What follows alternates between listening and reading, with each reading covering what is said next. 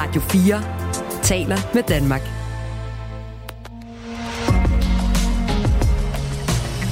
Du lytter til Radio 4 undersøger. Sohaib står forvirret i døråbningen til lægen. I armene har han sin datter, der har et astmaanfald, der er ved at kvæle hende. Men ifølge faren beder lægen ham ikke komme ind. I stedet siger han, Ali, jeg har, jeg har ikke til. Kan du gå og snakke med sekretær? Uforstående lukker Suhaib døren og går ned ad gangen væk fra lægen og ned til sekretæren. Om syv minutter er hans datter død.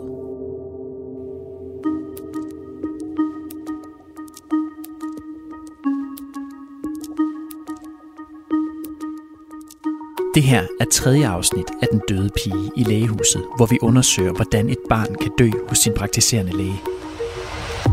Og som du skal høre i det her afsnit, så kan kimen til, at det ender galt, meget vel være lagt flere dage før. Det ser ud til, at det begynder at gå galt allerede første gang, hun sætter sine ben det sted, hvor hun ender med at få hjertestop. Mit navn er Jais Nørgaard Alstrøm.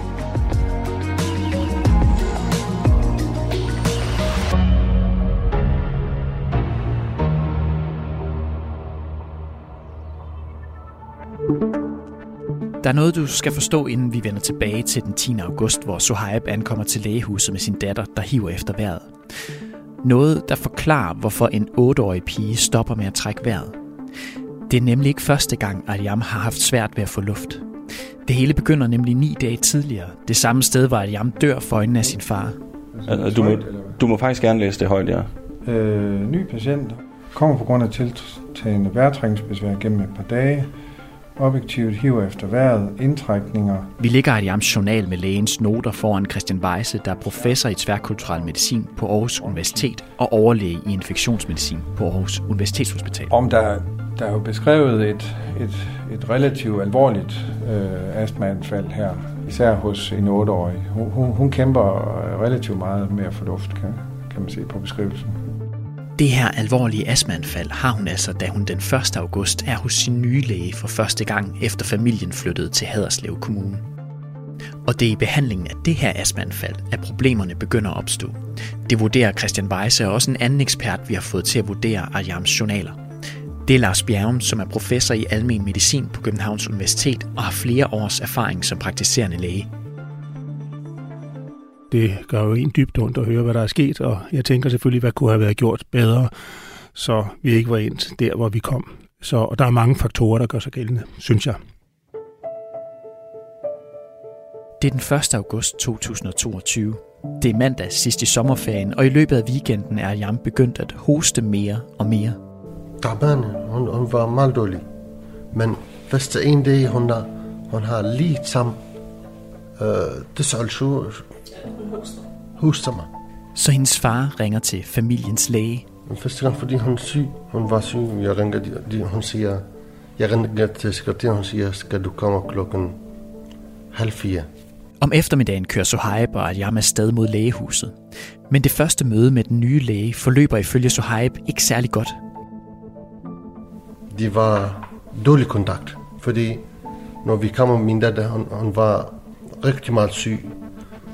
Men han, han var ikke snakket med mig efter, fordi han siger mig, han kontakt sam, kun med min datter, som jeg ikke sidder sammen med ham. Hvordan går det? Hvordan, hvor, mange det har du syg? Han, han kun snakker med min datter. Han snakker ikke med mig. Lægen undersøger Aljam, og han finder et stetoskop frem og lytter til hendes lunger. Fordi han snakker med min datter, han siger, du har astma, Aljam, men det er okay, ikke, ikke, ikke farlig, Jeg skal give dig samme medicin, og bliver godt. Han vil behandle Arjam med Ventoline, en medicin mod astmaanfald, så han henter en maskine, en såkaldt øh, forstøver, der opløser anfaldsmedicinen, så Arjam kan indånde medicinen gennem en maske. Lægen sætter masken på Arjam og starter maskinen, og så går han. Lyden her stammer fra en video, som vi har set, hvor den 8-årige pige sidder i konsultationen med en maske, der næsten dækker hele hendes ansigt. Han siger til mig, nu, de mener, datter, når de er um, øhm, færdige, fordi de var en lille dåse her medicin. Når de er færdige, kom til mig. Når de er færdige, jeg ringer, jeg banker med den, jeg siger, de er færdige. Han kommer og giver hende igen. En halv,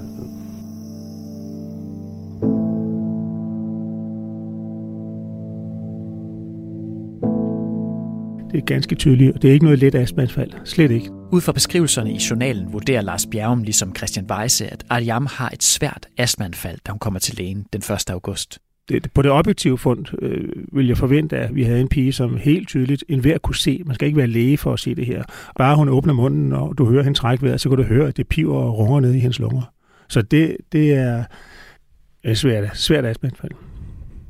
Det er, det er virkelig, det, det, er, det vil være sådan, at hun har svært ved at lave fysisk aktivitet. Øh, det vil hun ikke kunne, fordi det vil hendes astma forhindre hende i. Hun er virkelig medtaget af det. Når Lars Bjerrum gennemgår forløbet omkring Ariams konsultation den her dag, så er der særligt én ting, han hæfter sig ved. Så kommunikationen, den er helt afgørende, og den er jo i den grad gået galt. Jeg vil sige, at vi har her med et fatalt tilfælde, der skyldes primært dårlig kommunikation på grund af sprogbarriere.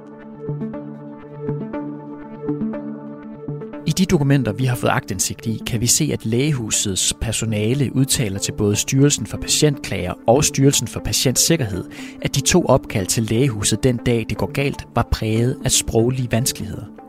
De havde svært ved at forstå, Sohaib lyder det. Men som du også hørte i sidste afsnit, så viser deres udtalelser til politiet og i deres interne tidsbestilling, at de har forstået essensen af, hvad han siger. Sohaib han taler ikke perfekt dansk, og det siger han også selv, så når vi interviewer ham, bruger vi en tolk, som kan hjælpe, når han mangler de danske ord eller ikke forstår et spørgsmål. Og det samme gjorde de på Adiams gamle skole i Lemvi. Når det var vigtigt, at forældrene skulle forstå detaljerne, havde skolen en tolk med. Men lægen her bruger ikke en tolk til at forklare Sohaib om den sygdom, han har diagnostiseret hans datter med.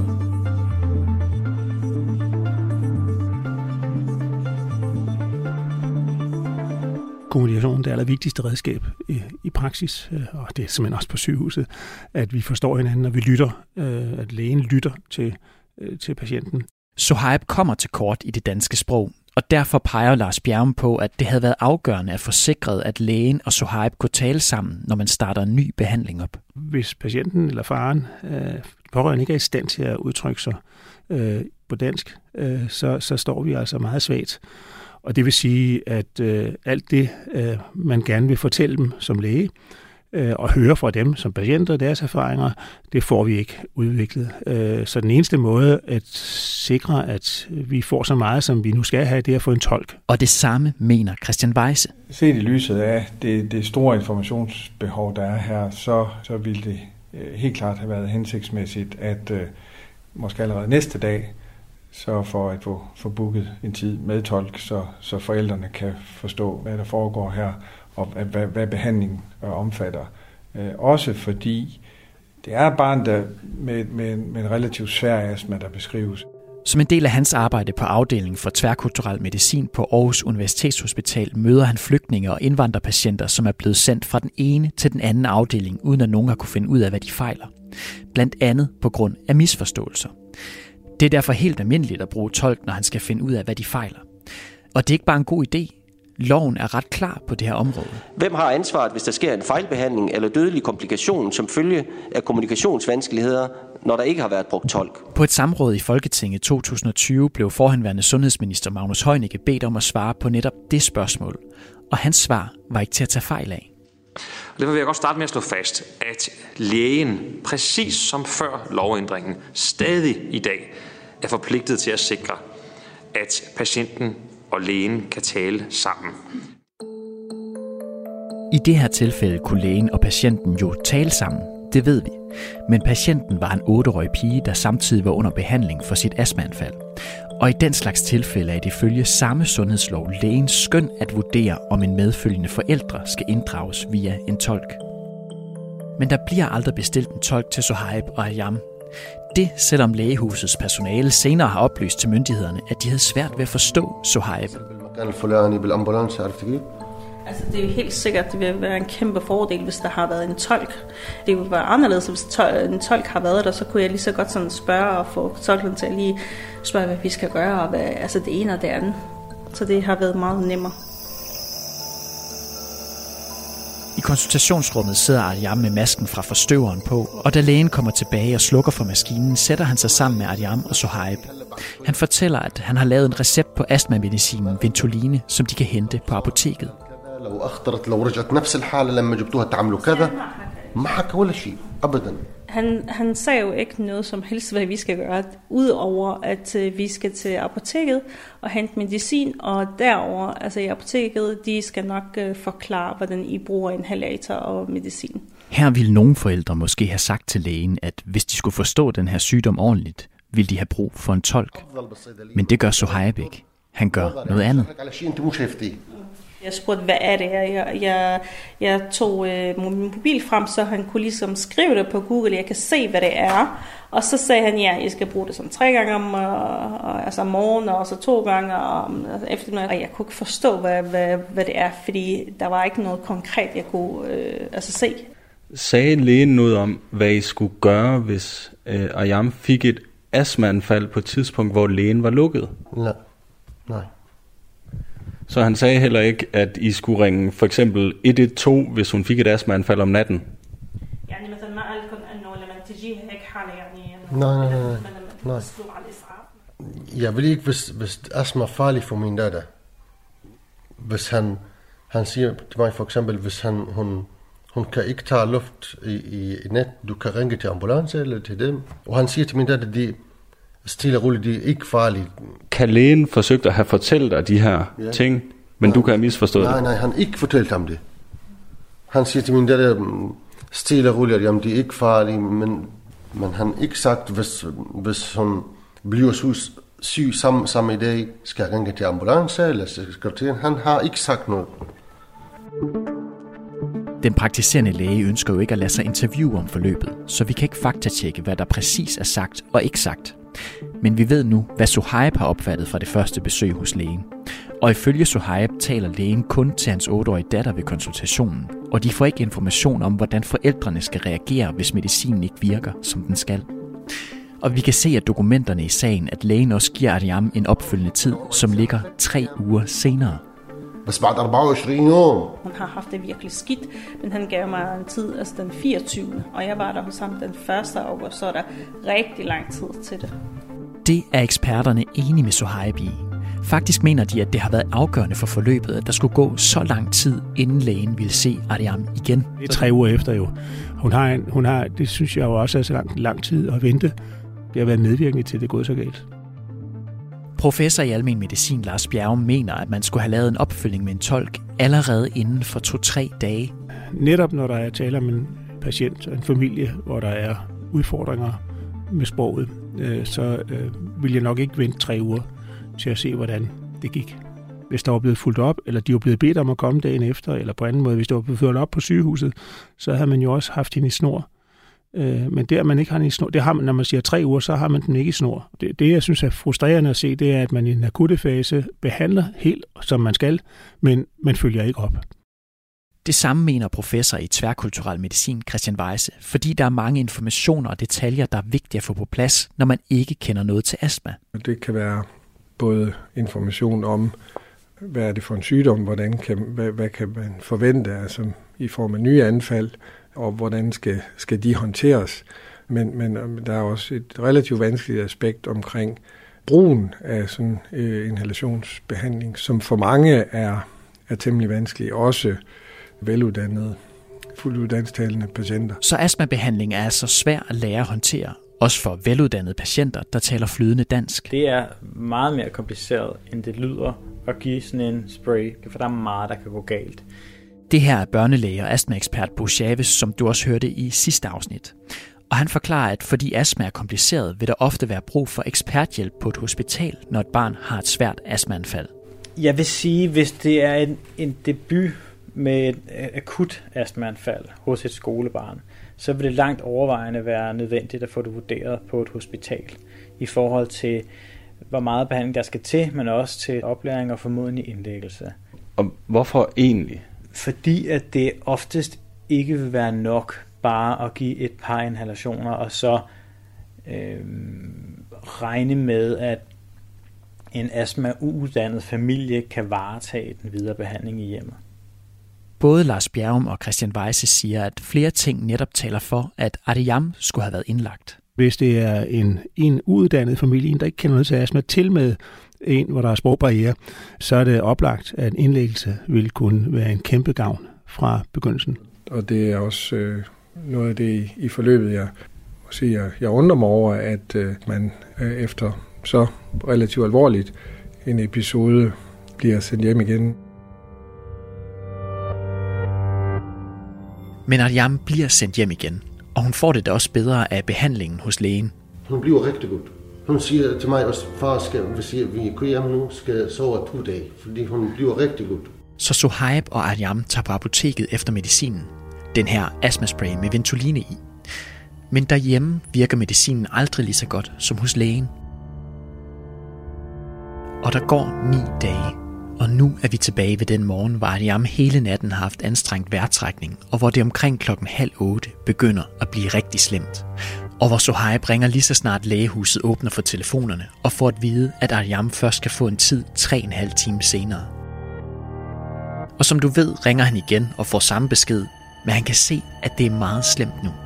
Så i sin bil drøner han med Aryam hen til lægehuset. Og det er så her, da han står i døråbningen hos lægen med sin datter, at han får at vide, at han skal gå hen til sekretæren.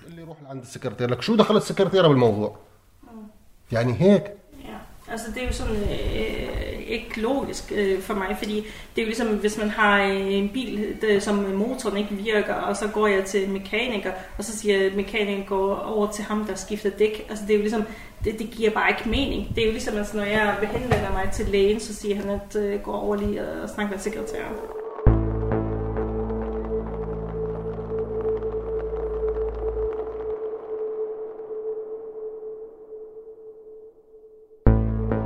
Ja, prøv at se den her, Jais. Det er politirapporten, hvor man kan se, hvad lægen siger om det her med, at han skulle have sendt Sohaib videre til sekretæren. Ja, og lægen erkender det faktisk. Men prøv at se. Forklaringen her, den er afgivet fem dage efter hjertestoppet, og her står afhørte, altså lægen, så at en mand har et barn i sin arme, men vidste ikke, hvem manden eller barnet var. Afhørte bad manden om at henvende sig i receptionen, i det han var i gang med en borger. Og så står der, afhørte forklarede, at han ikke vidste, hvorfor barnet blev båret, i det barnet kunne have kommet til skade med sin fod, og derfor blev båret. Ja. Og så prøv at se den her. Det er så den forklaring, han giver til Styrelsen for Patientklager flere måneder senere. Ja. Og her står der så, jeg havde netop afsluttet en patient og sad derfor og skrev journalnotat med døren til konsultationslokalet på klem. Faren stak hovedet ind og spurgte, om jeg kunne hjælpe ham. Jeg kunne ikke se patienten. Jeg bad ham derfor kontakte sekretæren. I den første forklaring ser lægen altså pigen, men tror hun måske har ondt i foden, og i den senere forklaring ser han hende ikke. Han ser kun faren, siger han her. Men ifølge Sohaib er det tydeligt for enhver, at det her er en alvorlig situation. For Adiams kamp for at få luft er højlydt. في اكثر من 10 امتار تسمعي نفس بنتي Altså hvis man bare lige står der ved, ved hoveddøren, så kan man ligesom øh, høre øh, min datter, så, hvordan hun trækker vejret. وهن هي بدان fordi sam, sam når du har som en vandslange og lægger vand i, når du, du, du hører, hvordan når hun tager luft fra ryggen. Ja. Hvis du står 10 meter, du kan godt. Og han siger, skal du sekretær, hvad laver jeg med sekretær? Du læge, han er ikke, ikke læge. Men Sohaib gør som lægen siger og skynder sig ned ad gangen mod venteværelset og der, hvor sekretærerne sidder. Jeg går, kommer til sekretæren, jeg lægger min, min, min datter i, på stol eller i stol, og de var, jeg sagde til dig, de var fire eller fem mennesker, مريضين وجايين عم ينطروا Der sidder også fire-fem mennesker i venteværelset. Ayam er afkræftet. Natten igennem har hun fået mere af medicinen, end hun plejer, og det er stadigvæk kun blevet værre. Vi ved nu, at Aryam og hendes far, ifølge eksperter, burde have haft en opfølgende tid få dage efter første møde her i lægehuset. Og flere ting peger ifølge eksperterne på, at hun nok skulle have været indlagt. Men det ved Sohaib ikke. Og hvad han heller ikke ved, er, at den medicin, de har givet Aryam de sidste ni dage, slet ikke er nok, når man behandler patienter for svær astma. Det er jo en symptomatisk behandling, der giver dig en større diameter i din luftveje. Det er ikke betændelsesdæmpende, så derfor får man ligesom ikke færdig om roden af problemet. Så siden den 1. august har medicinen kun behandlet hendes astmaanfald, og ikke selve astmaen. For Bo Chaves, astmaeksperten, forklarer helt generelt, at når børn har svære astmaanfald, skal astmaen eller roden til problemet behandles med binyrbarkhormon. Binyrbarkhormon er jo et fantastisk stof til rigtig, rigtig mange forskellige sygdomme, og der er masser af studier, der har vist hos større børn, det vil sige over 6, at binyrbarkhormon behandling, det markant sænker risikoen for forværing og at man ender på intensiv. Lars Bjerrum og Christian Weisse, de to professorer og læger, vi har fået til at vurdere Arjams sag, mener begge netop, at Arjam skulle have fået den forebyggende behandling med binyrbarkhormon. Det er slet ikke meningen, man skal bruge ventolinesprayen så ofte, som hun er nødt til. Den skal helst virke i flere dage, efter man har taget et par pust af den. Hvis det er sådan, at der er behov for at tage den her spray mere end to gange ugenligt, det er sådan det gennemsnit. Hvis hun har anfald hver eneste dag i løbet af den første uge, så er det fordi intensiteten af astma er så høj, så man skal supplere med noget ekstra medicin, og det er så binyrbarkhormon. Det kunne meget vel have været øh, livreddende, hvis der var blevet iværksat en sådan behandling også, og, øh, og det har også øh, undret mig, at det ikke var en del af, af behandlingsforløbet.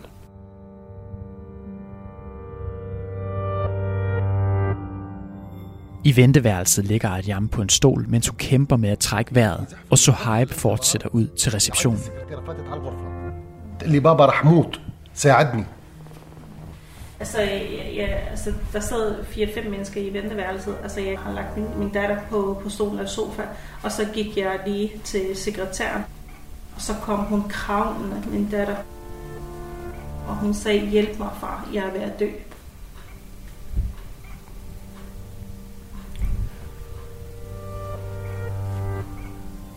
لا عاد يسألني أسئلة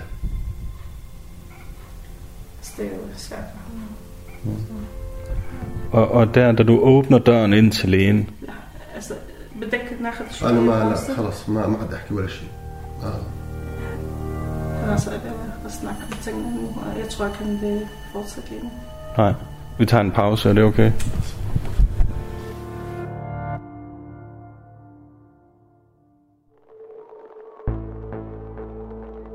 Hvad der sker herfra, er Sohaib ikke i stand til at tale om, så vi baserer det på de forklaringer, personalet giver til myndighederne.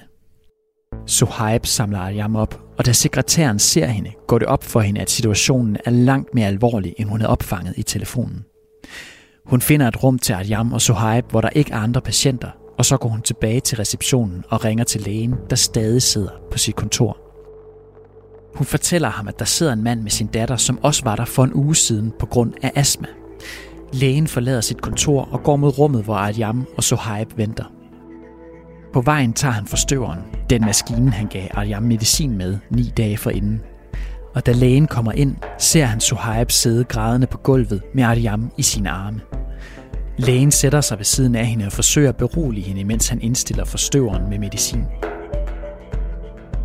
På det her tidspunkt er der gået mindst 7 minutter, siden lægen bad Sohaib om at henvende sig ved receptionen. Han placerer masken over Ariams næse og mund og sikrer sig, at masken sidder rigtigt. Han får Sohaib til at holde den, og så tænder han for forstøveren.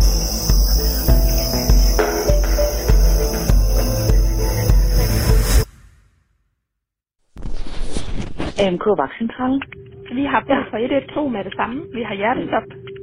Der er hjertestop på stedet. Ja, det er hjertestop. Ja, Ja. og vi er på vej.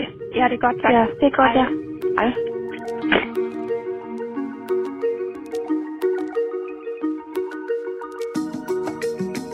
Det her var tredje afsnit af Den Døde Pige i Lægehuset. Og hvis du synes, den her historie er vigtig, så del den endelig med dine venner eller andre, du synes skal høre den. Serien er tilrettelagt af mig. Jeg hedder Jais Nørgaard Alstrøm, og er Søren Maja Jensen og Allan Christiansen. Jon Hasselbald Mikkelsen er redaktør.